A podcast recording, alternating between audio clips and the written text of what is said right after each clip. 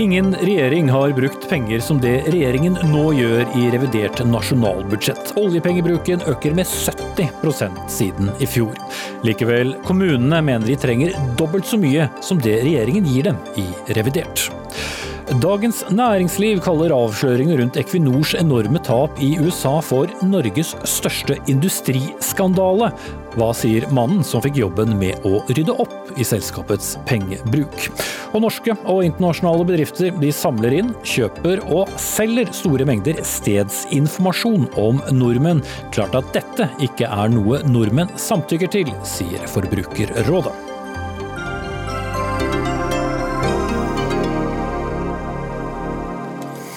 Da ønsker vi velkommen til Dagsnytt 18 tirsdag med Espen Aas og bokstavene RNB er de tre viktige bokstavene i dag. Revidert nasjonalbudsjett, ikke musikksjanger. Normalt sett så er dette en liten justering av statsbudsjettet. I år er det alt annet enn lite. Regjeringen bruker nærmere 420 milliarder oljekroner, langt over handlingsregelen, rett og slett fordi ekstraordinære tider krever ekstraordinære tiltak, for å ha sagt det en gang til i dag. Politikerne skal snart få slippe til, men først har vi to sjeføkonomer som vi vil snakke med om dette reviderte budsjettet. Begynner med deg, Øystein Dørum, sjeføkonom i eh, NHO. I en kommentar i Dagens Næringsliv i dag så advarer du mot å la det unormale bli normalen. Hva betyr det? Nei, det, det jeg sikter til der, er jo at vi er i helt ekstreme tider. Og ekstreme tider møtes med ekstraordinære tiltak, for å gjenta det poenget. Eh, og det har vært helt riktig eh, for staten, for myndighetene, å hjelpe bedrifter som trenger penger, slik at de kan eh, komme seg over kneika, slik at folk har en jobb å gå tilbake til. Det er helt riktig å gi folk penger, sånn at de holder seg flytende mens de står uten, uten jobb. Det er helt riktig å hjelpe til, sånn at det fungerer i finansmarkedene osv. osv. Men vi må ikke gleppe på hva som har gjort dette landet til et av de rikeste, beste å bo i. Jo, det er at vi har hatt en bra arbeidsdeling mellom offentlig sektor og privat sektor. At vi har hatt gode, sunne bedrifter som har operert i et marked, og ofte i et internasjonalt eh, marked. Og jo raskere vi kommer oss tilbake til normalen, jo mindre vil vi tape på denne krisen. Mm. Men betyr det at denne ja, litt sånn respiratorlignende tilstanden som da norsk økonomi nå er i, fordi vi må bruke mye offentlig penger for å holde det i gang, kan da bli en tilstand som med en gang vi da slår den av, så vil ikke økonomien øh, være der den skal, eller overleve? Nei, men altså, noe, noe, av utfordringen, og det er jeg helt sikker på at øh, de også kjenner på i Finansdepartementet, er jo at når du, når du tilbyr bedriftene subsidier, så vil bedriftene gripe de subsidiene. For deres oppgave det er å holde bedriften flytende. Og de vil i hvert fall gripe de subsidiene hvis de vet at nabobedriften får de subsidiene. Og vi kan ikke dra oss selv etter håret. Vi kan ikke subsidiere oss til, til, velstand. Så jo fortere vi får kobla av den respiratoren, og da må jeg skynde meg med å legge til at uh, vi har respiratoren fordi bedriftene ikke klarer seg på egen hånd, men jo fortere vi klarer å uh, nedtrappe tiltakene, avvikle tiltakene, selvfølgelig jo bedre er det. Og det er med en viss ambivalens jeg skriver dette, for min arbeidsgiver uh, har jo også gått i bresjen for å ha massive tiltak, og jeg mener også at det har vært riktig med de massive tiltakene, men jeg mener mener også at det skal være bevissthet om at det kommer en dag etter dette. Vi skal tilbake til en normal, og den normalen bør ha minst mulig av disse subsidiene. Mm. Roger Bjørnstad, du er sjeføkonom da i LO, motparten i, i, i, arbeidslivet. Er du like bekymret over pengebruken som, som Dørum? Altså, jeg må si jeg blir uh, overrasket over uh, det tidspunktet hvor denne advarselen kommer på. Ja. Altså, nå har bedriftene blitt reddet med mange hundre milliarder kroner, og så skal vi nå uh, advare om pengebruken når vi har over 400 000 arbeidsledige. Bedriftene fortsatt er nedstengt. Og eh, vi trenger opplagt å få hjulene i gang igjen. Eh, det er helt nødvendig, som Øystein sier, eh, å redde bedriftene og redde arbeidsplassene, men jobben er absolutt ikke gjort. Nå handler det om å få de permitterte tilbake på, på, på, til jobbene sine etter hvert som smitteverntiltakene lempes på. Vi har nettopp lempet på noen av smitteverntiltakene, men vi må også regne med at det kommer til å bli store negative ringvirkninger av det inntektstapet vi nå har opplevd. Og det kommer til å bite seg fast en høy arbeidsledighet hvis ikke vi nå kommer med stimulering og tiltak for å skape nye arbeidsplasser. og over lang tid. Over lang tid. Eh, så dette har vi erfaring med. Og det dummeste vi gjør nå, det er å la være å gjøre noe. Mm. Nei, altså jeg tror du, tror du, leser meg med litt uvillige briller her nå. For det jeg forsøker å si, er at vi skal ha begge tanker i hodet på en gang. Og jeg, som jeg også skriver i, i artikkelen, så skal vi videreføre en del av de tiltakene vi har. kommer til å bli nødvendig å videreføre også, også framover. Men vi skal, når vi gjennomfører tiltak, så skal vi ha i bakhodet at det vi gjør er ekstraordinært. Det må være med et øye på horisonten der framme. Eh, vi har en diskusjon som er på gang med lønnstilskudd for arbeidstakere. Det kan godt tenkes at det vil være nødvendig på en eller annen måte å hjelpe arbeidstakere inn i arbeidslivet, men vi må skru de ordningene sammen på en sånn måte, hvis de i det hele tatt kommer, at det bidrar til å gjøre kaka større og ikke mindre. Det må være det vi har som siktemål på alle disse tiltakene. Men jeg har på ingen måte tatt til orde for at vi nå skal slå, slå av knappen. På, på, på, Overhodet ikke. Og vi får jo om noen uker så får vi jo en, eh, en tilleggsproposisjon som vil uh, se på de tiltakene som vi skal trenger i gjeninnhentingsfasen. For vi trenger mer etterspørsel for å komme uh, tilbake. Men det er mer en appell om at dette må gjøres på en intelligent måte. Mm. Så du er ikke redd for at det kan bli en slags uh, boble? da, At norsk næringsliv blir, i hvert fall den private delen, blir for avhengig av penger fra regjeringen? De er helt avhengig av penger fra regjeringen, men eh, at det blir en boble, det kan jeg virkelig ikke forstå. Eh, vi prøver heller å unngå en depresjon vil jeg heller si. Og det er klart, Vi snakker nå om eh, revidert nasjonalbudsjett. og det, det, kommer på et tidspunkt hvor vi er helt avhengig av offentlig støtte til næringsliv, til arbeidsplasser, til inntektssikring til husholdningene. Men vi må også nå begynne å tenke på hvordan vi eh, stimulerer økonomien i en fase hvor eh, arbeidsplassene skal eh, De permitterte skal tilbake til arbeidsplassene sine, og vi må skape nye arbeidsplasser. Men jeg er helt enig i det at ekstraordinære tiltak de må være veldig avgrenset i tid. De må kunne slås av når det ikke er behov for det, men vi må vri fokus over til å skape nye arbeidsplasser og bringe de permitterte tilbake. 6 eh, ledighet for eh, inneværende år er det regjeringen eh, regner med. Det er, det er høyt, selv om 6 ikke høres ut som et høyt tall i seg selv, men mye høyere enn vi har hatt på lang tid. Men tror du at vi kommer raskt ned da, når vi kommer over i, i 2021? Nei, dessverre så eh, frykter jeg at eh, vi blir eh, nok hengende på rundt 6% også neste år. En grunn til det er at oljeprisen har stupt og oljeinvesteringene ser ut til å mm, falle ganske kraftig. Men også fordi vi har opplevd et inntektstap som får ringvirkninger gjennom etterspørselen i neste runde. Men så huske på det at det er jo nesten 15% arbeidsledige nå. Så 6 eh, som gjennomsnitt for året, riktignok, eh, er et veldig eh, kan du si, optimistisk anslag sett i det lyset. Men det, det, de, de 15 arbeidsledige i dag de er jo i all, all, hovedsak permitterte fra sine jobber. Så det vi må jobbe med nå, det er å bevare de arbeidsplassene og sikre at de kommer tilbake til jobb. Mm. Det skal de politikerne som venter utenfor nå få diskutere mer om. Takk til Øystein Dørum, sjeføkonom i NHO, og Roger Bjørnstad, sjeføkonom i LO.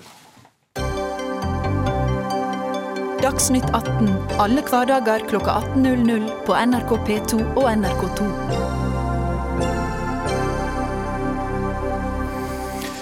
Aldri har vel en finansminister eller en regjering måttet være så ekspansiv i fremleggelsen av et revidert nasjonalbudsjett. Oljepengebruken øker altså med 71% som nevnt, og er da på rekordhøye 419,6 milliarder. Men er det godt nok?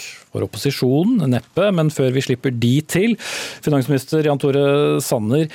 Har du nå en slags prislapp på hva denne koronakrisen koster Norge? Det er eh, mange som har eh, som betaler en høy pris for den krisen vi nå, nå er i. Jeg antar at du tenker på hvor mye penger vi bruker i olje, oljefondet. Men, men, det, men, denne krisen handler jo ikke bare om hva vi bruker av oljefondet. Dette er en krise som rammer arbeidsplasser, som rammer bedrifter. Mennesker blir syke. Kommunene har store ekstra, ekstra utgifter. Og det er det største tilbakeslaget i, i økonomien i fredstid. Vi har en arbeidsledighet hvor du må 75 år tilbake. Du må tilbake til, til, til 30-tallet. Nå har jeg god tro på at vi skal komme godt ut av denne krisen. Eh, men en viktig eh, grunn til at vi gjør det, det er at vi har vært villige til å bruke mye penger. Både for å gi folk trygghet, eh, men også for å sørge for at ellers sunne bedrifter kan holde seg flytende gjennom, gjennom, gjennom krisen. Mm. Vi er da snart fem måneder inn i året. Vi har en ledighet på, på rundt 15. Men dere er likevel si, relativt positive på, på framtidstroen og mener at ledigheten annet skal komme ned på, på seks år eh, sett under ett. Hvorfor? Eh, og også at eh, veksten ikke, blir, ikke faller så mye som, som først antatt. Hvorfor dette noe mer positive synet enn vi kanskje hadde her for en stund tilbake? Ja, nå, er jo, nå, er jo, et fall i bruttonasjonalproduktet på 4% er jo ikke spesielt optimistisk. Nei, det er, dramatisk, men dere trodde det skulle ja, bli større. Ja, men det er først og fremst stor usikkerhet. Eh, det er ingen som i dag kan være helt sikre på, på disse tallene. Vi sier at vi antar et fall i bruttonasjonalproduktet på, på 4% men vi sier at det kan også bli dypere. Eh, så eh, legger vi til grunn at vi eh, vil få en betydelig vekst til neste år. Den kan bli hele 4-7% og at ledigheten i løpet av et halvt til ett år kan gå ned mot, ned mot 4, 4% men, men, her er det mange usikkerheter, og ikke minst hvordan utvikler oljeprisen seg? Hvordan blir aktiviteten i oljenæringen, i leverandørindustrien? Hvordan slår internasjonal økonomi ut? For dette er jo en global krise som ikke bare rammer Norge, men som rammer hele verden. Vi ser eh, fall i, eh, i verdensøkonomien fra øst til, til, vest. Og Norge vi har jo bygget vår velferd eh, på, på eksport, på, på, handel med andre land. Og Det betyr at når det går dårlig i verdensøkonomien, så slår det inn i, i vår økonomi. Derfor er det mange usikkerheter. Men når vi nå er noe mer optimistiske, så er det fordi at nå begynner smitteverntiltakene å bli bygget noe ned. Vi ser at aktiviteten kommer opp. Og vi ser også at mange permitterte nå kommer tilbake til arbeid, og det er veldig mm. positivt. Men Hadia Tajik, finanspolitisk statsperson i Arbeiderpartiet, vel i likhet kanskje med Roger Bjørnstad som var her inne, så er ikke du like optimist når det gjelder eh, ledighetskøen? Altså, jeg har veldig respekt for at eh, det er en krevende tid å lage et revidert nasjonalbudsjett i. Um, men særlig da er det jo viktig å bruke de store pengene riktig. Og jeg må innrømme at jeg fikk kaffen litt i halsen jeg, når jeg i morges, faktisk her på NRK, hørte arbeidsministeren si at, eh, og nå siterer jeg han, det, veldig, det å få veldig mange tilbake på jobb har lite for seg nå. Og det må jeg bare si at jeg syns det er veldig passivt sagt av denne regjeringa. Når vi nå er inne i en fase der man gradvis skal gjenåpne Norge, så mener jeg at det òg er riktig å se på hvordan man bruker pengene for å få flere i jobb. LO for eksempel, har etterlyst en lønnstilskuddsordning. Det mener jeg regjeringen burde ha vurdert. Jeg mener man må se... Hvor vi betaler folk for å være på jobb snarere enn at de får dagpenger. Nettopp. Og det at det blir lettere for bedriftene å hente de tilbake igjen til jobb.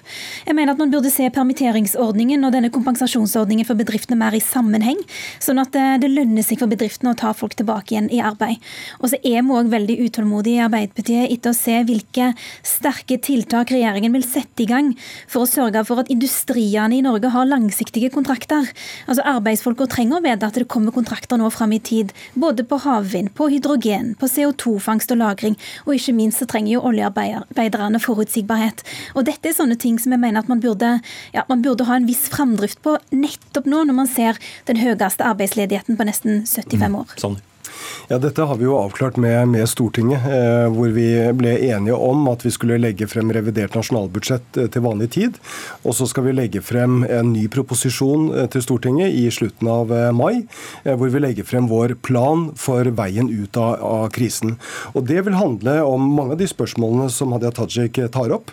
Det kommer til å handle mye om utdanning og kompetanse. fordi at kompetanse det gir både den enkelte arbeidstaker større muligheter på arbeidsmarkedet arbeidsmarkedet, og det styrker bedriftene, som kan bruke kompetansen til å finne nye markeder.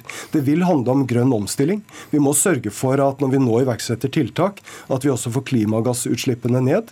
Og det må handle om aktivitetsfremmende tiltak, slik at vi kan få ledigheten ned. Okay. Og da er det bare å avslutte med det, fordi at eh, vi, jeg tror vi alle er enige om at det er viktig med tiltak som får ledigheten ned. Men det er også en del mennesker som har en svak tilknytning til arbeidsmarkedet. Eh, og vi må unngå at dette ble krisen som bidro til at flere ble skjøvet varig ut av arbeidslivet. Vi må sørge for at enten det er eh, innvandrere, om det er eh, mennesker som har rus eller helseproblemer, at de blir inkludert i arbeidslivet. Så her må vi ha flere tanker i hodet når vi setter i gang tiltak. og Det er grunnen til at vi ønsket å bruke et par uker til før vi legger frem planen for veien ut av krisen. Ok, Det kommer altså mer, men likevel så er det sånn at dette reviderte nasjonalbudsjettet skal, skal vedtas, og det må gis støtte. Og dere er første som får muligheten til å, å snakke med regjeringen om det, Sylvi Listhaug, finanspolitisk statsperson i, i Fremskrittspartiet.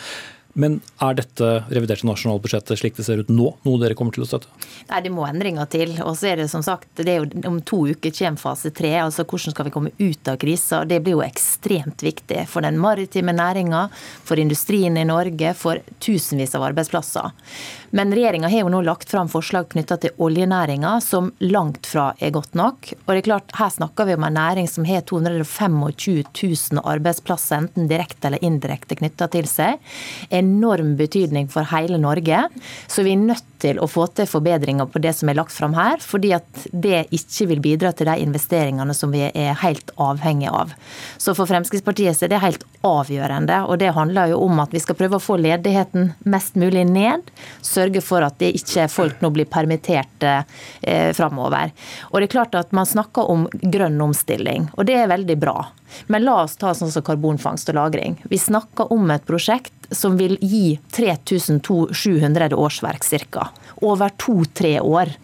Havvind. Det er snakk om noen eh, årsverk, men det er langt unna enormt langt unna å kunne dekke opp for det som oljen kan bidra mm. til Så dere vil ikke støtte det som, eh, som Sande snakker om? Vi skal selvfølgelig være med på å investere for framtida og vurdere det som kommer fra regjeringa, men mitt poeng er at det kan ikke erstatte olja nå. Mm. Det ligger men, langt fram i tid. og det, det som er, er, er, Problemet med diskusjonen, det er at mange partier prøver å påstå at det nærmest er en Men det ligger ikke forslaget ditt heller, Sander, at du skal erstatte dagens oljeindustri? Nei da, eh, på ingen, ingen, måte. Eh, vi treffes jo nå også av eh, den lave, lave oljeprisen. Selv om det har vært kjent lenge at investeringene i Nordsjøen vil gå ned de kommende årene, så må vi unngå at, at, fallet blir for stort. Det er det denne diskusjonen om en midlertidig ordning for oljeindustrien handler om. Så kan vi gjøre veldig mye annet enn en CCS, som er et kjempeviktig prosjekt. Men det handler jo også om å investere i klimavennlig teknologi. Det handler om grønn skipsfart fart. Eh, og mitt poeng er at når vi nå skal sette inn, inn tiltak, så må vi også ha et lengre perspektiv. Eh, vi må sørge for at vi eh, ikke heller bruker altfor mye av oljepengene, for de skal komme flere generasjoner til, til gode. Vi må sørge for at vi skaper bærekraft i velferdsordningene våre, at vi får et arbeidsmarked som, som fungerer. Og Det er det interessante i den fasen vi er inne i nå. Nå har vi håndtert en akutt krise. Nå skal vi begynne å diskutere veien ut av krisen, og hvordan vi skal ta hverdagen tilbake. Mm. Ja, pasientene syk norsk økonomi, og det er flere leger i salen som har hver sin oppskrift. Tajik først, og så Liste. Når vi diskuterer framtida til olje-, gass- og leverandørindustrien, så tenker jeg at det er viktig å ha to tanker i hodet samtidig. Veldig populært dette ja, studio. Det, det altså, I denne sammenhengen her så tror jeg faktisk det er helt avgjørende for oljearbeiderne sjøl. Er fullstendig klar over at energimarkedet er i endring, og at det kommer til å skje ganske mye betydelige ting de neste 10-20 årene som har betydning for deres jobber. Så jeg tror at det som er viktig nå, er at vi både klarer å sikre arbeidsplassene til oljearbeiderne i dag, dag, men òg at vi klarer å sikre de langsiktige kontrakter. Og Derfor så er det tre ting Arbeiderpartiet er opptatt av når vi nå skal sette oss ned med de andre partiene og snakke om oljeskatten. Det ene er at vi må sikre arbeidsplasser i Norge. Det andre er at vi må sikre inntekter til fellesskapet. Og det tredje er at vi må sikre klimavennlige investeringer. For jeg er ikke interessert i at man skal gi store likviditetssettelser, altså eh, frigjøre masse penger til en bransje, eh, og så risikere at de pengene går til eh, utbetaling av store utbytter eller nedbetaling av gjeld. Nå kommer Equinor her senere i dag, tror jeg, og skal diskutere hvordan de har brukt en del penger. De har brukt 200 milliarder kroner på et eventyr i USA som ikke har gitt det norske folk den avkastningen som de hadde trengt og fortjent. Så vi må ha ordentlig styring på disse pengene her. Og det kommer til å være en viktig prioritet for Arbeiderpartiet. for det oljearbeiderne vi skal sikre, det er ikke bukseselene til rike aksjonærer. Vi er helt enige på at vi skal ha styr på pengene. Og denne pasienten kan vi jo nettopp kurere nå fordi vi har oljepenger. Og er så heldige å hatt en næring som har pumpa bokstavelig talt penger inn eh, i den norske statskassa, som har gått inn på oljefondet, som har vært forvalta veldig godt. Men skal vi fylle den opp igjen, som også det. det var, fylles opp med noe som ja, er lønnsomt? og Oljeprisen i dag vil jo ikke fylle opp fullt så mye som vi tar ut? Oljeprisen den varierer. Det har den alltid gjort, og det kommer den til å, å gjøre videre også. Verden kommer til å trenge olje, så at det er et marked framover også, det er helt sikkert. Så En annen ting som Fremskrittspartiet er opptatt av, er dette med helse. For det er klart at I den perioden som vi nå har lagt bak oss, så er det mange som har fått utsatt behandling. De har ikke fått gått til undersøkelser som vanlig, kanskje utsatt operasjoner. Mange har egentlig sittet hjemme og tenkt at jeg kan ikke ringe legen min nå, for nå har ikke de tid til å ta imot meg. Men nå har du fått beskjed om at det kan du gjøre? Da, ja, men poenget er at da har det blitt en ganske lang kø av mennesker som ikke fått eh, den undersøkelsen som de skal, operasjoner som de skal. Og da er det viktig at vi får dampen opp i helsevesenet. Både det offentlige, men også at vi nå bruker private aktører for å kunne ta unna og hjelpe folk som er syke. Og Der er vel dere for så vidt litt eh, enige, Tajik, men jeg vil la Sanner svare siden eh, han sitter med pengesekken. Vi eh, styrker nå sykehusene med 6 milliarder kroner. Det vil kunne bidra til at sykehusene kan Eh, behandle, behandle flere. Eh, det er riktig som eh, Sylvi Listhaug sier, at, at, i den krisen vi har vært nå, så er det mange behandlinger som er, er utsatt. Nå sørger vi for at sykehusene blir kompensert med, med 6 milliarder kroner. Og også i revidert nasjonalbudsjett så fyller vi også på på mange andre, andre områder. Men det er, det er viktig at vi, at vi, også i en krisetid er opptatt av prioriteringene. For det er Litt av bildet er nå hvor, hvor man får inntrykk av at pengene sitter løsere. Da skal man ha alle til, til sitt, eh, sitt, prosjekt. Vi må også som politiske ledere eh, tenke eh, også i, et generasjonsperspektiv. For det blir skal, en regning for jo, fremtidige generasjoner? regningen ville vært enda større hvis vi ikke hadde vært villige til å bruke disse pengene. Men det betyr at vi må sette inn pengene der hvor de virker. kan få opp aktiviteten, at pasienter kan få behandling, at kommunene kan drive sine gode, gode tjenester. Men vi må være villige til å, til å prioritere, slik at vi ikke skyver en for stor regning over på de som kommer etter oss. Mm. Dere har også en grense på oljepengebruken, Tajik? Det er klart, men eh, jeg mener jo at eh, det å eh, håndtere denne krisen handler òg om å være villig til å bruke de pengene som trengs. Det er noe av grunnen til at Arbeiderpartiet har vært tilbakeholden med oljepengebruk i gode tider. Det er nettopp for at man skal ha mer å gå på i dårlige tider, og nå er det dårlige tider. Og altså, Vår topprioritet er jo arbeid til alle. Men det andre på den listen det handler om trygghet for helse og velferd, og der har kommunene en sentral rolle. De skal vi snakke om nå rett etter dere. De står og venter på utsiden. La lista på siste ord. For det, det, er ingen tvil om at eh, Stortinget har flytta på ganske betydelige beløp etter at regjeringa har lagt fram de sakene som de har gjort eh, så langt, fordi vi mener de har kommet med altfor lite. Så har vi jo sett i ettertid at både regjeringa er fornøyd med det Stortinget har gjort, og for så vidt også at det har vært anerkjennelse blant økonomer og andre på at det har vært helt nødvendig. Sånn at det er nok en regjering sitt eh, lodd i livet å holde litt tilbake, men at Stortinget da har muligheten til å eh, gi litt mer gass, som vi har sett at det har vært helt nødvendig i den situasjonen. Helt til slutt, For ett år siden så hadde jeg også sending på revidert nasjonalbudsjett. Vet du hva? Da snakket vi om at påplussingen revidert var 7 milliarder kroner. I år er den 25 ganger så mye. Takk til eh, Jan Tore Sanner, Sylvi Listhaug og Hante Tajik.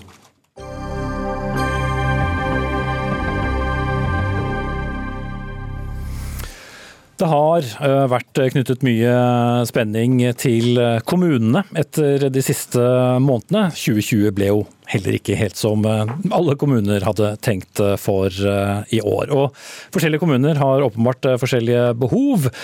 Og Derfor så har regjeringen sett på dette, kommunene totalt. Både gjennom det som er vedtatt av bevilgninger i Stortinget tidligere år, og gjennom nye tiltak, så foreslås det nå da en kompensasjon på rundt 10,8 milliarder kroner. Men Bjørn Arild Gram, leder i kommunenes interesseorganisasjon KS, dere har regnet dere frem til et tall som er nesten dobbelt så høyt? Ja, Det som er klart er at det er veldig stor usikkerhet under tallene her. Både for, for tallene fra KS og fra regjeringa. Det er mye vi ikke vet ennå. Derfor er det viktigste budskapet fra oss at storting og regjering nå gir trygghet for at kommunene vil bli kompensert for det samla tapet som vil oppstå i løpet av året. Mm. Nikolai Astrup, kommunal- og moderniseringsminister. Er du langt mer optimistisk på kommunenes vegne enn kommunen selv? Jeg har stor forståelse for at mange kommuner føler på en uro, og ikke minst for hvordan dette spiller seg ut i løpet av året. Og Det er jo fordi vi ennå ikke vet hvor lenge disse tiltakene kommer til å vare, og hvilke økonomiske konsekvenser det får for kommunesektoren. Og Derfor har jeg vært tydelig fra dag én at vi skal stille opp for kommunene. og Vi skal sørge for at kommunene kan levere gode tjenester både under denne krisen og etter denne krisen. Og I tillegg til de 10,8 milliardene som programlederen nevnte, så forventer vi jo en betydelig lavere pris- og lønnsvekst i 2020 enn det kommunene ble kompensert for i statsbudsjettet. Mm. Så utgiftene til kommunene er, er, lavere enn budsjettert med? Ja, sånn som det ser ut nå, Dette er jo også et anslag, og det kan endre seg. Men så vil det gi et økt handlingsrom isolert sett på over 9 milliarder kroner. Så da er vi oppe i 19,9 eh, milliarder. Eh, og Det betyr at eh, uavhengig av måte, om hvordan vi treffer for året samlet sett, så er det ikke noe akutt krise i Kommune-Norge nå. De som sier at nå må vi kutte i velferdstjenester umiddelbart, det er ikke riktig. Det er, og Jeg snakker med både KS bekrefter jo det bildet, men også snakket med flere enkeltkommuner som sier at vi har ingen akutt pengenød nå. Det er ikke behov for å kutte i, i grunnleggende velferdstjenester nå. Så vil vi måtte følge situasjonen, for dette kan endre seg. og det er jeg glad for at KS også presiserer at her er det mye usikkerhet. og Derfor så har vi satt ned en arbeidsgruppe sammen med KS for å gå inn i tallene, følge situasjonen og nettopp kunne ha en omforent forståelse av om det er behov for tiltak, hva slags tiltak, og når de bør settes inn. Mm. Krisemaksimerte dere, Gram? Nei, slettes ikke. og Vi mener òg at, at regjeringa overvurderer effektene av redusert lønns- og prisvekst. I tillegg har jo òg det som nå ligger inn fra regjeringa, er jo er jo en kompensasjon for økte kostnader og inntektsbortfall eh, fram til sommeren. I våre tall så er det, inkluderer jo anslag for utviklinga for resten av året. Og Det er jo riktig nå at det ikke er noen akutt likviditetskrise i Kommune-Norge. Men det er jo nå fram mot sommeren at uh, norske kommuner reviderer, reviderer sine budsjett. Og Da kikker man jo på utsiktene for hele året. For Skal man jo gjøre tilpasninger, så må jo det skje på et tidspunkt på året hvor det har noen virkning, og eventuelt justere aktiviteten. Og Det er derfor det er så viktig at regjering og storting er eksplisitt på og tydeliggjør og betrygger kommunene på at man vil kompensere for de kostnadene og inntektsbortfallet som helt sikkert òg vil påløpe utover eh, i andre halvår. Mm. Og så er det store forskjeller. Altså, vi har jo en del store kommuner både på Østlandet og Vestlandet og, og i Midt-Norge som bl.a. har tapt enormt pga. kollektivtrafikk eh, og andre ting. Så, mens andre kommuner igjen har jo hatt relativt få mm. Eh, økte utgifter. Eh, Astrup, hvordan skal fordelingsnøkkelen her eh, være? Vi kan jo allerede se for oss noen kommuner som kommer til å bane seg vei frem i køen. Ja, og Når det gjelder f.eks. kompensasjon for tapte billettinntekter, så er jo de kompensert basert på reelle tap i den enkelte fylkeskommune. Så Det betyr at Oslo, selv om de har 13% av innbyggerne, så har de i den første runden fått 28% av kompensasjonen som ble tildelt. Altså Den første milliarden fikk de 280 millioner. Nå bevilger vi jo halvannen milliard til til det formålet. og Det kommer til å bli fordelt på samme måte etter reelle tap som eh, fylkeskommunene her eh, har.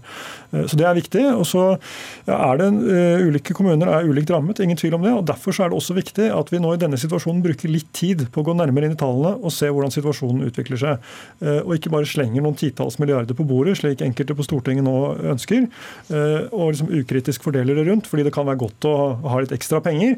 Vi er altså, selv om vi er en rik stat, ikke i en situasjon hvor vi har anledning til det. Og jo mer penger vi bruker nå, jo verre blir det i den andre enden. Mm. Men hva er dere mest bekymret for, Gram, i månedene som kommer nå, i det dere reviderer? Altså, hvor, hvor, kan det da i så fall være en stor utgiftsvekst som, eh, som dere trenger Nei, å få kompensert? Ta nå bare kollektivtrafikken. Det var veldig bra at det nå kom ytterligere 1,5 milliard. Men den kompensasjonen for, for fylkeskommunene den går da fram til sommeren. Det er jo ingen som tror at kollektivtrafikken er tilbake i normalt gjenge eh, fra 1.7. Sånn at det er jo et eksempel på et område hvor det er behov for, for videre kompensasjon. Det vil òg helt sikkert gjelde f.eks. økonomisk sosialhjelp etter hvert som den økonomiske krisa utvikler seg. Og det er klart det vil fortsatt være belastninger innenfor altså, helse og omsorg. Folk på dagpenger havner på sosialen? Ja, folk som får betalingsproblemer. Eh, vil det vil opplagt øke presset på sosialkontorene. Og så har vi press i, i, helse og omsorg som fortsatt vil ligge der. sånn at det, det, er nok på en hel bredde av kommunale aktiviteter. Det ligger heller ingen spesifikk beregning av kompensasjon knytta til merkostnader innenfor skole og barnehage f.eks. Mm. Men er det sånn at dere da nærmest har det stykkevis og delt og sier eh, vi må se det an? Ja, eh, jeg sier jo for det første vi skal stille opp for kommunene. Kommunene skal kunne tilby gode tjenester under og etter denne krisen. Det er et viktig budskap.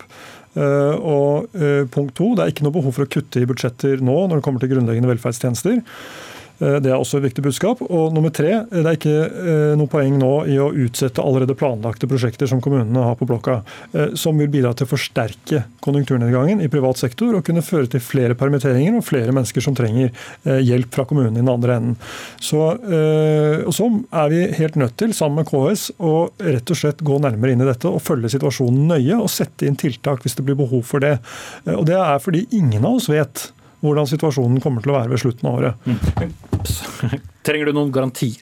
Ja, eh, vi er glad for at man skal ha en gjennomgang og eh, ha beregninger på kostnadene, og at vi skal ha delta i det arbeidet. Det er veldig viktig, det er vi glad for. Men, og vi kjenner, for vi kjenner ikke alle konsekvensene nå. Men det er nettopp den garantien for at de konsekvensene som vil komme, enten de er så store eller så store, at vi har en garanti for at de vil bli kompensert. For Hvis vi ikke er trygge på det, så vil kommunene allerede nå begynne å tilpasse sin aktivitet, sånn at man sikrer den samla kommuneøkonomien for 2020. Mm. Men noen blankosjekk får du sikkert ikke med deg ut, eh, eller hva, Astrup? Nei, men Jeg har vært veldig tydelig på at vi skal stille opp, og Stortinget har vedtatt at vi skal stille opp. og Jeg gjentar det gjerne. Regjeringen skal stille opp for kommunene. Og så er det ingen som kommer til å være uberørt av at vi står i den verste krisen siden 30-tallet. Og jeg har også sagt at det er noen type inntektsbortfall som vi ikke kommer til å kompensere for. F.eks. hvis du er medeier i et kraftselskap og kraftprisene er lave, så kommer ikke vi til å kompensere for det. Eh, men eh, det er, altså kommunene hadde i utgangspunktet et solid, altså hadde et solid utgangspunkt da vi gikk inn i dette året. Det er bra. Vi har rekord for kommuner på Robek. Men ingenting det er bra. ser ut som de gjorde i inngangen Så vi er rustet til å håndtere dette tross alt, og staten skal stille opp. Mm. Takk skal dere ha. Nikolai Astrup, kommunal- og moderniseringsminister fra Høyre, og Bjørn Arild Gram, leder i KS.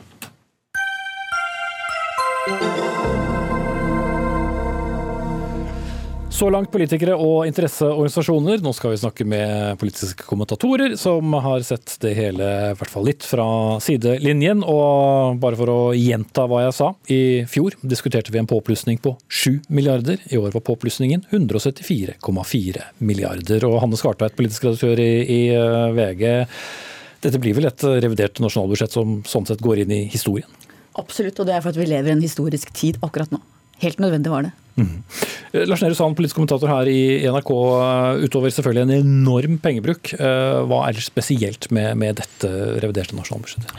Usikkerheten. Og det gjentas jo til stadighet i dokumentet også, at det er usikkert alle anslagene man gjør. Og det kan meget vel gå eh, enda dårligere med norsk økonomi enn det Finansdepartementet har lagt til grunn. Det har jo mange andre prognosemakere eh, sagt, at de tror på høyere ledighet og, og lavere forbruk og, mm, eh, og sånn.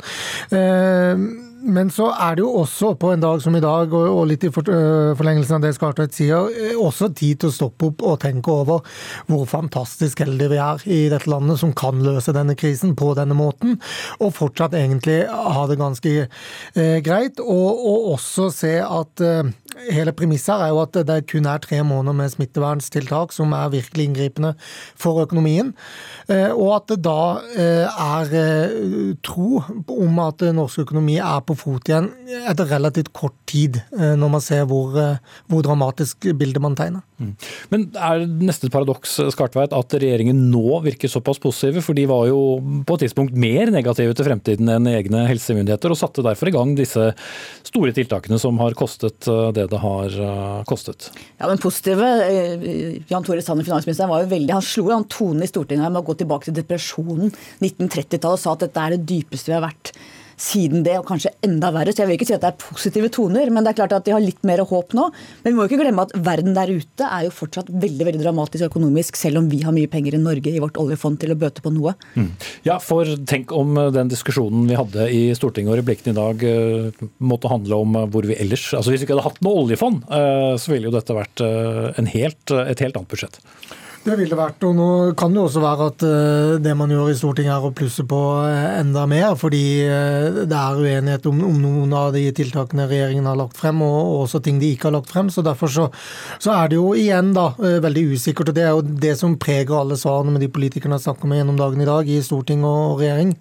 At, at, det er så mye man ikke vet, og det er så mye som er usikkert. og Det kommer ny, ny proposisjon fra regjeringen om, om ca. to uker, så det er veldig lenge igjen av dette året i, i den sammenhengen vi skal se nå.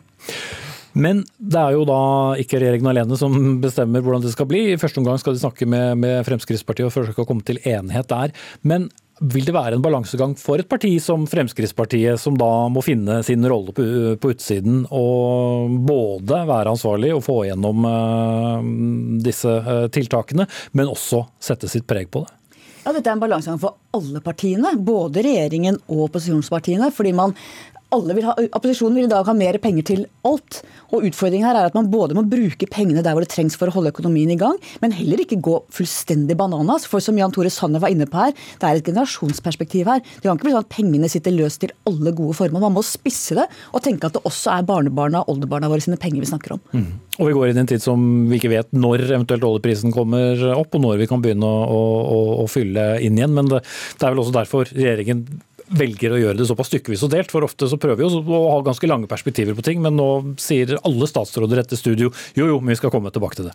Ja, og det er jo også en politisk kunst som egentlig er verre enn å, å, bruke disse pengene. Det er jo å, å finne ut når er det midlertidig perioden slutt. Eh, hva skal definere en, en, normal? Hvordan skal vi komme oss ned til normal pengebruk? Og hvordan skal vi si at de ekstraordinære tiltakene vi har hatt, enten det er på arbeidsmarkedet eller mot kommuner eller i offentlig sektor eller til private bedrifter, eh, Eh, når skal de på sett og vis normaliseres og klare seg selv igjen? Eh, og Det er krevende for en, en regjering å, å, definere, og det er også krevende for Stortinget å vite når man kan være sikker på at det går bra, hvis, hvis man ikke bruker de virkemidlene en, eh, en stat har i en krisesituasjon. Mm. Det blir mye å prate om fremover. Takk skal dere ha, Hanne Skartveit fra VG og vår egen Lars Nehru Sand. Hør Dagsnytt 18 når du vil. Radio NRK Radio.nrk.no.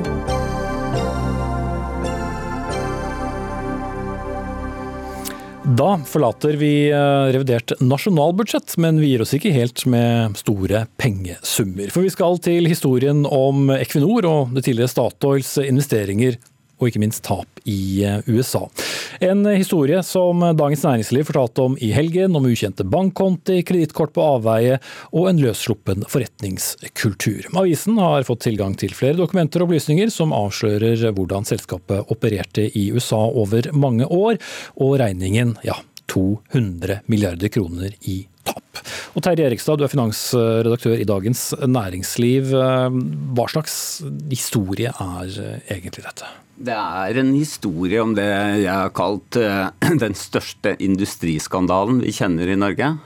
Uh, vi har visst at uh, Equinor, tidligere Statoil, har tapt mye i USA som følge av at oljeprisen falt. Og Det er for så vidt liksom naturlig at man, man bommet på oljeprisen, og det var det andre som gjorde òg. Men det vi ikke har kjent til før, det er hvordan den amerikanske virksomheten har vært drevet.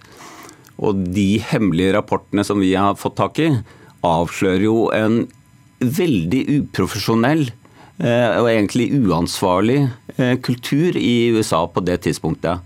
Og dette er ikke noe vi finner på. Dette var egentlig dette var hemmelige rapporter som gikk til helt til topps i selskapet, og som var skrevet av internrevisorene til selskapet, altså de som skal passe på at man følger lover og regler, og at man følger retningslinjer, og at alt går eh, rett for seg. Og det mm. gjorde det ikke. Men det er altså to ting som du sier. Det ene er jo at de bommet eh, stygt på, på, på oljeprisen. Fikk jo en, eh, en oljekrise som, som, alle leda. Men så er det altså denne kulturen.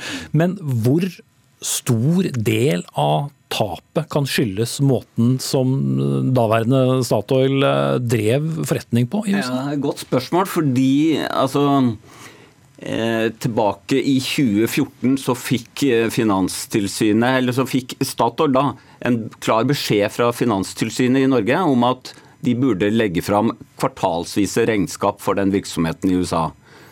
Og Det valgte Statoil da å overse, eh, fordi de mente at det, det var ingen andre store oljeselskaper som gjorde det, så hvorfor skulle de gjøre det?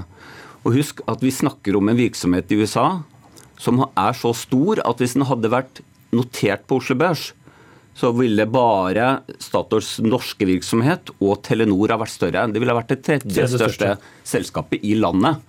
Og grunnen til at uh, vi ikke har liksom kjent til uh, detaljene, er at uh, virksomheten i USA ikke er blitt rapportert som et eget segment. Da, og, og Derfor har vi ikke hatt så god tilgang på tall. Det er ikke sånn at Equinor har hemmeligholdt tall, men de har bare ikke opplyst i tråd med det som tilsynsmyndighetene ønsket. da.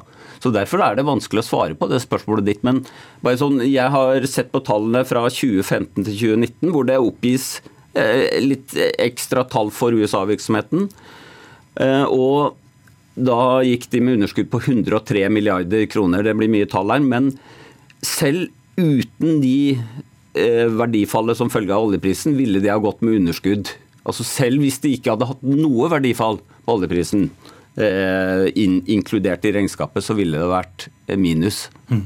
Nå har det blitt skiftet eh, ledelse i Equinor siden uh, hvert fall da, uh, 2014. Mm. da var det Helge Lund som var toppsjef og, mm. og, og, la frem de tallene som mm. da ikke viste disse tallene spesifisert. Mm. Men hvis det var nettopp det han hadde mm. gjort, som, som du antyder at mm. eh, de burde ha gjort, og Finanstilsynet da eh, etterlyste.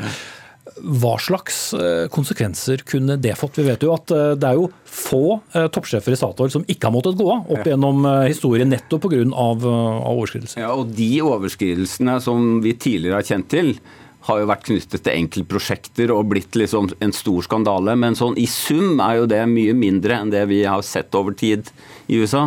Det blir jo litt sånn, sånn såkalt kontrafaktisk historie. Det, det, det, er vanskelig å lage. Men, men jeg, jeg, tror jo at hvis dette hadde blitt rapportert fortløpende, så ville det vært langt større oppmerksomhet rundt det. Langt uh, mye mer debatt og mange flere kritiske spørsmål. For det, det er det er ingen i historien som har fått lov til å tape 200 milliarder kroner uten at noen har sagt stopp, dette går ikke lenger. Mm. Takk skal du ha, Terje Erikstad, finansredaktør i Dagens Næringsliv. Og så skal jeg vende meg til deg, Torgrim Reitan. Du er eh, konserndirektør i Equinor, nå for utvikling og produksjon eh, internasjonalt. Men du var altså eh, finansdirektør. Og jeg bare stille deg spørsmålet helt først. Hvorfor rapporterte man da ikke om virksomheten i USA separat tilbake da i 2014 f.eks.? Ja.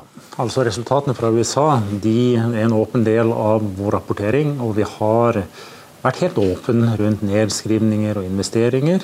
Eh, også på dette tallet, som totalt summerer seg opp nå til 20 milliarder dollar. og Det, det har vi rapportert på, på årsbasis.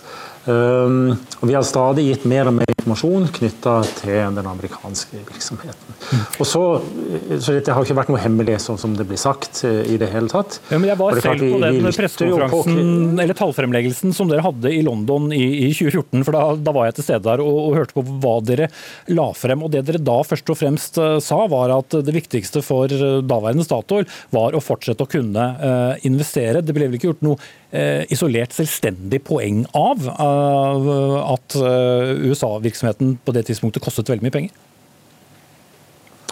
Eh, det har vi har rapportert, altså nedskrivning og investeringer eh, løpende også på den amerikanske virksomheten. Men det er klart, altså vi, Dette er jo åpen informasjon, men, men altså vi hører jo nøye etter. Og, og, vi vil jo se på hvordan vi kan gjøre denne informasjonen altså mer tilgjengelig. Også på, på, kvartals, eh, på kvartalsbasis. Da. Det, det, vil vi gjøre. Og vi skjønner det at det, det, det er ikke rett fram å finne fram i, i, alle disse tallene. Eh, det er jo tross alt en stor, stor rapportering, og det er rapportering fra, fra alle landene. Mm. Du, klart, eh, så, ja. du, var jo da finansdirektør og ble sendt til USA. Hvor, når forsto du at Houston had a problem, for å bruke den formuleringen? Altså at dere måtte gjøre noe i Eh, i USA. Ja. Ja. Altså først vil jeg bare si at 200 milliarder kroner det er et enormt stort tall. Det er et voldsomt stort tall.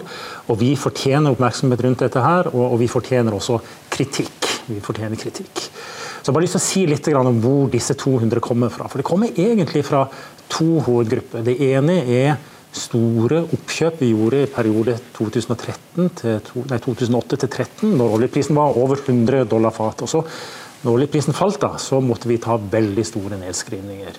Og dette er på samme linje som, som, som, som andre selskaper gjorde. Den store feilen vi gjorde da, det var at vi trodde at 100 dollar skulle vare lenge, eller for alltid. Den andre driveren her er at vi hadde et stort leteprogram i Mexicogolfen på 2000-tallet. Også der mange andre selskaper som var veldig optimistiske på hva vi kunne få til, men det var tørt. De to er de store driverne knytta til, til den, den, dette tapet. Så jeg har bare lyst til å si før jeg kommer til, til, til spørsmålet litt, at dette, dette, er jo ikke hele bildet heller. Da, sant? Eh, vi har, eh, sitter jo nå på veldig verdifulle eiendeler, mest verdifulle eiendeler vi har utenfor Norge. Eh, disse er konkurransedyktige, og de skal bidra positivt i mange tiår framover. Men det er nedskrevet som tap, da? Ja. da, vi har tatt store nedskrivninger, det har vi. Og så i 2014 da var det tre år etter at vi hadde kjøpt eh, et selskap som heter Brigham Exploration. Eh, og Da gikk det opp for oss flere ting. Det ene var at internkontrollen i USA var svært krevende. Eh, vi så også at det var en kostnadskultur som ikke var sånn som man skulle være. Og selvsagt har vi også disse store regnskapsmessige tapene. Så da satte vi i gang veldig store forbedringsprosjekter innenfor alle disse områdene. Og vi brukte internrevisjonen. Vi må huske at Internrevisjonen er en integrert del av den måten vi leder og styrer selskapet på. Vi bruker internrevisjonen på områder hvor vi har problemer og hvor vi ønsker en belysning. Og Internrevisjonen gjorde en utrolig viktig jobb i å skape et fullstendig bilde rundt dette her. Men Man kan jo få um, inntrykk av dekningen til Dagens Næringsliv at det ble sagt fra både om uh, pengebruk og, og hvordan uh, virksomheten ble drevet i USA. Burde dere ha grepet inn tidligere? Vi burde grepet inn tidligere. Eh, det burde vi. Eh, og det, Vi burde sett alt det her tidligere. Det, det, det, skal vi ta kritikk på. Men når vi først så det, så satte vi alle kluter til. Det var full åpenhet eh, både fra konsernet, fra forretningslinjen, fra styret og revisjonskomité. Og, og når alle drar i lag på den måten som ble gjort her, så så fikk det gode resultater. Så Nå sitter vi på en forretning hvor internkontrollen er sånn som den skal være, og lønnsomheten er kraftig forbedra og kostnadsnivået og, eh, og eh, er på et helt, helt eh, annet nivå og, og, mye bedre. Da jeg spurte Helge Lund i 2014 i London på hvorvidt han fortsatt hadde tro på USA, så sa han ja, vi skal gå i lavere takt. Når sluttet den troen? Vi i, i 2015 da så vi behov for å ta ned aktivitetsnivået betydelig. Vi hadde eh, etter disse oppkjøpene så hadde vi 16 rigger eh, på, på, på, det meste. og Da tok vi det ned til tre rigger, rett og slett for å få bedre kostnadskontroll, få bedre kontroll over alt det som gikk på den finansielle internkontroll, og også få orden på, på butikken. Så da, da, gikk vi ned på et lavere takt, og den har vi egentlig holdt, uh, holdt siden. Mm. Og Det har gjort oss i stand til å drive kostnader, forbedringer, og ta ut synergier på en, på en helt, eh, helt, annen måte. Men en, så, denne sløsekulturen jeg må bare ta med til slutt, som har blitt beskrevet med, med gule jaguarer, øh, svært mye fester som, som, ble lagt merke til. Hvordan kunne noe slikt øh, vokse frem? Um, vi hadde, altså det var en pengebruk eh, når oljeprisen var på over 100 dollar. Som, som, vi så dette må vi gjøre noe med, og vi tok kraftfulle grep eh, og har justert ganske mye ut, ut, av det. Og så må vi huske på at Dette var også en periode hvor dette var ikke et særegent verken amerikansk problem eller Equinor-problem i USA. Dette var bransjen på den tiden, og vi skal alle kikke oss i speilet og si at dette ikke var en grei måte å drive forretning på. Så sier vi takk til deg, Torgrim Reitan, konserndirektør i Equinor for utvikling og produksjon internasjonalt. Og hvis du vil høre mer om denne saken, så anbefaler programmet Debatten her på NRK1 klokken 21.20.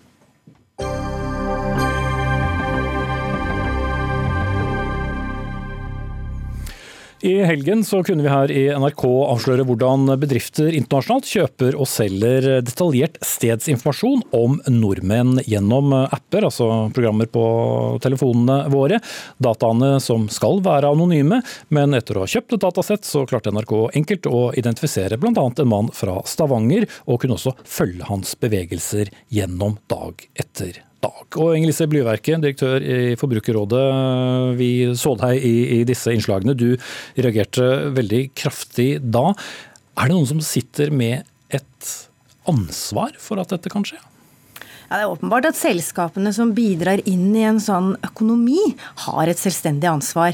Vi har en eh, personvernforordning og en personvernlovgivning som alle virksomheter skal forholde seg til. Og veldig mange av oss eh, er vel i, i bedrifter som, eh, som, har gjort mye for å prøve å, å, sørge for å overholde personvernforordningen. Mens her er det jo selskaper som bygger hele sin forretningsmodell på det vi mener er urettmessig innsamling av data, sammenstilling av data og videresalg av data.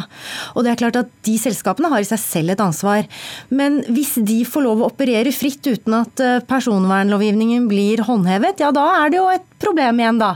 For det er ikke noe vits i med en lovgivning som ikke blir sanksjonert. Og der har jo myndighetene et ansvar, både i Norge selvfølgelig, men også i andre europeiske land. Og det er også derfor Forbrukerrådet har eh, flere klagesaker inne, både til norsk datatilsyn, men også til utenlandske datatilsyn. Og vi venter ganske utålmodig vi altså på at det nå skal komme noen tydelige kjennelser fra europeiske datatilsyn som viser hva som faktisk er grensene for personvernlovgivningen i Norge og Europa. Men uh, alle vi som ikke gidder å lese en eneste setning av det vi takker ja til når vi installerer en app og bare sier uh, ja, hvilket ansvar uh, har vi? Vi, vi friskriver oss ikke alt ansvar, eller gjør vi det? Jo, jeg mener faktisk det. fordi at det, eh, det, vi ser da når vi har gått gjennom alle disse appene, det er jo at det er ikke noe grunnlag for å si at de, eh, de eh, selskapene faktisk har lovlig grunn til å samle inn den type informasjon. Mye av denne informasjonen er faktisk sensitiv. Og det stilles veldig strenge krav til at du i det hele tatt får samle inn den type informasjon, langt mindre videreselge den. Og det er klart at Når vi i noen grad da, trykker altfor mye ja, som du sier, så er det både fordi at vi blir lurt inn i det gjennom måten de har designet det på, men også, sånn som vi har vist i vår rapport, så videreselges jo denne informasjonen, og vi har ingen mulighet til å vite hva vi sier ja til når vi trykker ett ja til én app. Eh, og det viser seg at de kan bli videresolgt til kanskje 4000-5000 selskaper. Så nei, dette er ikke noe som forbrukere selv kan ta ansvar for, utover at vi selvfølgelig skal være så gjerrige vi bare kan med å dele personopplysninger. Jeg eh, skal straks gå videre til panelet, men nå i kveld så har vi publisert en sak her der du ble, ber bl.a. to norske selskaper stanse sin datainnsamling. Hvorfor? Fordi vi mener, eh, og vi mener at vi har gode grunner også for å si, eh, at de opptrer i strid med personvernlovgivningen. Og vi ønsker å utfordre dem på den praksisen. Vi er åpne og ber dem om å forklare hvis de mener at de gjør det på en riktig måte. Og så vil vi behandle den informasjonen vi da får, eh, og se om det er grunnlag for å gå videre med dem, f.eks. til det norske datatilsynet. Mm. Ulrik Preutz, du er administrerende direktør for selskapet Flaksloop, som jobber da med nettopp innsamling av forskjellige data om eh, nordmenn. Hva syns du om den informasjonen som er kommet frem i oppslagene fra lørdag? Jeg syns det er flott at det, det, har kommet fram på den måten det har gjort. For det er åpenbart at det, dette er en stor industri med mye penger, og det forekommer i hele verden i stor skala. Og da er det viktig at vi har tilsyn, og vi har Forbrukerrådet for den saks skyld, som som går eh, bransjen i sømmene. For her er det aktører som i veldig varierende grad bryr seg om personvernet. Mm. Men uh, du er også, ditt selskap er også klaget inn av, av Blyverket her for uh, sitat, klart, å drive klart i strid med personvernlovgivningen. Hva sier du til det?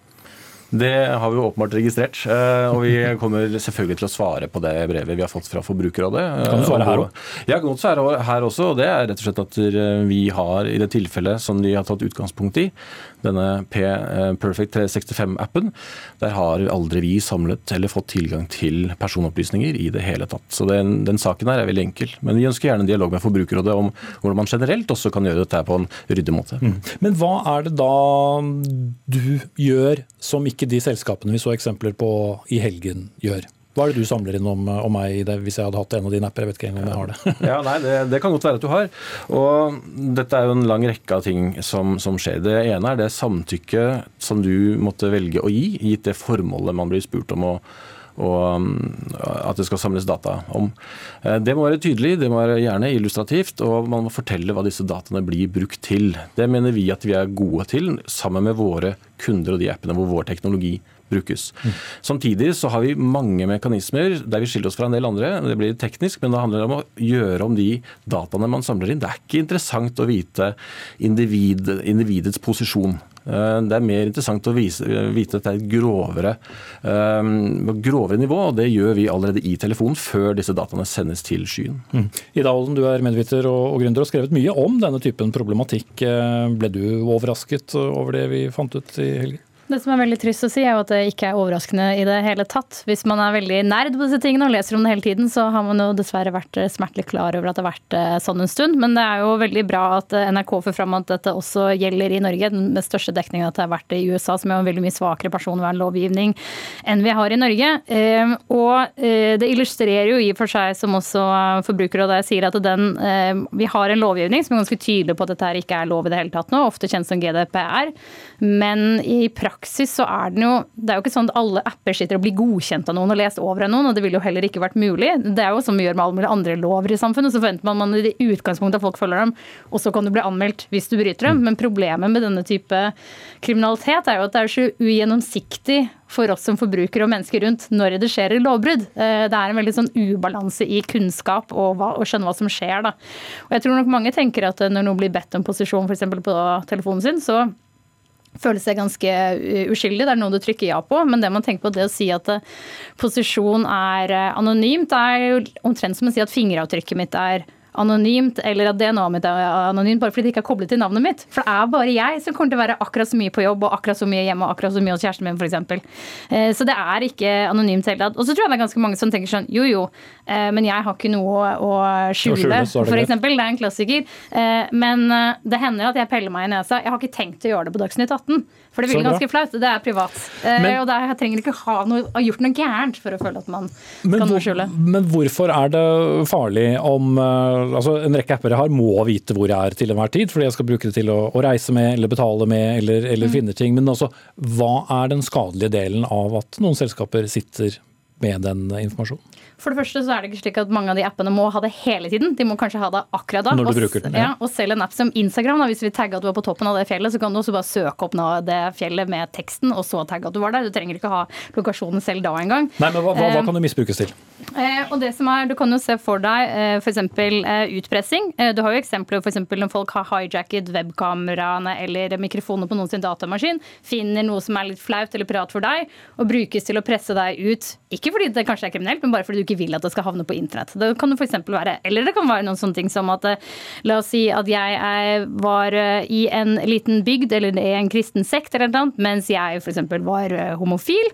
Eh, så betyr jo ikke det at jeg har gjort noe galt, men det er ikke det samme som jeg vil at noen andre skal vite det, kanskje, eller det kan brukes mot meg. Man trenger ikke gjøre noe, ha noe liksom å skamme seg over, selv om noen andre kan bruke det mot deg. Eh, det er ganske viktig at eh, vi forstår da. Og så er det så tydelig at det er Vi har dessverre ikke tid, for det er halvt minutt igjen av sendingen, så jeg skal si hva dere heter og hva vi som lager programmet er. Selv om det er mye skulle gjort. Vi hadde i hvert fall ikke rukket å lese gjennom noen av disse samtykkeskjemaene som vi må trykke på, men i hvert fall takk til Inger Lise Blyverket, direktør i Forbrukerrådet, Ida Aalen, medieviter, og Ulrik Prøy Preutz, administrerende direktør i Flaksloop.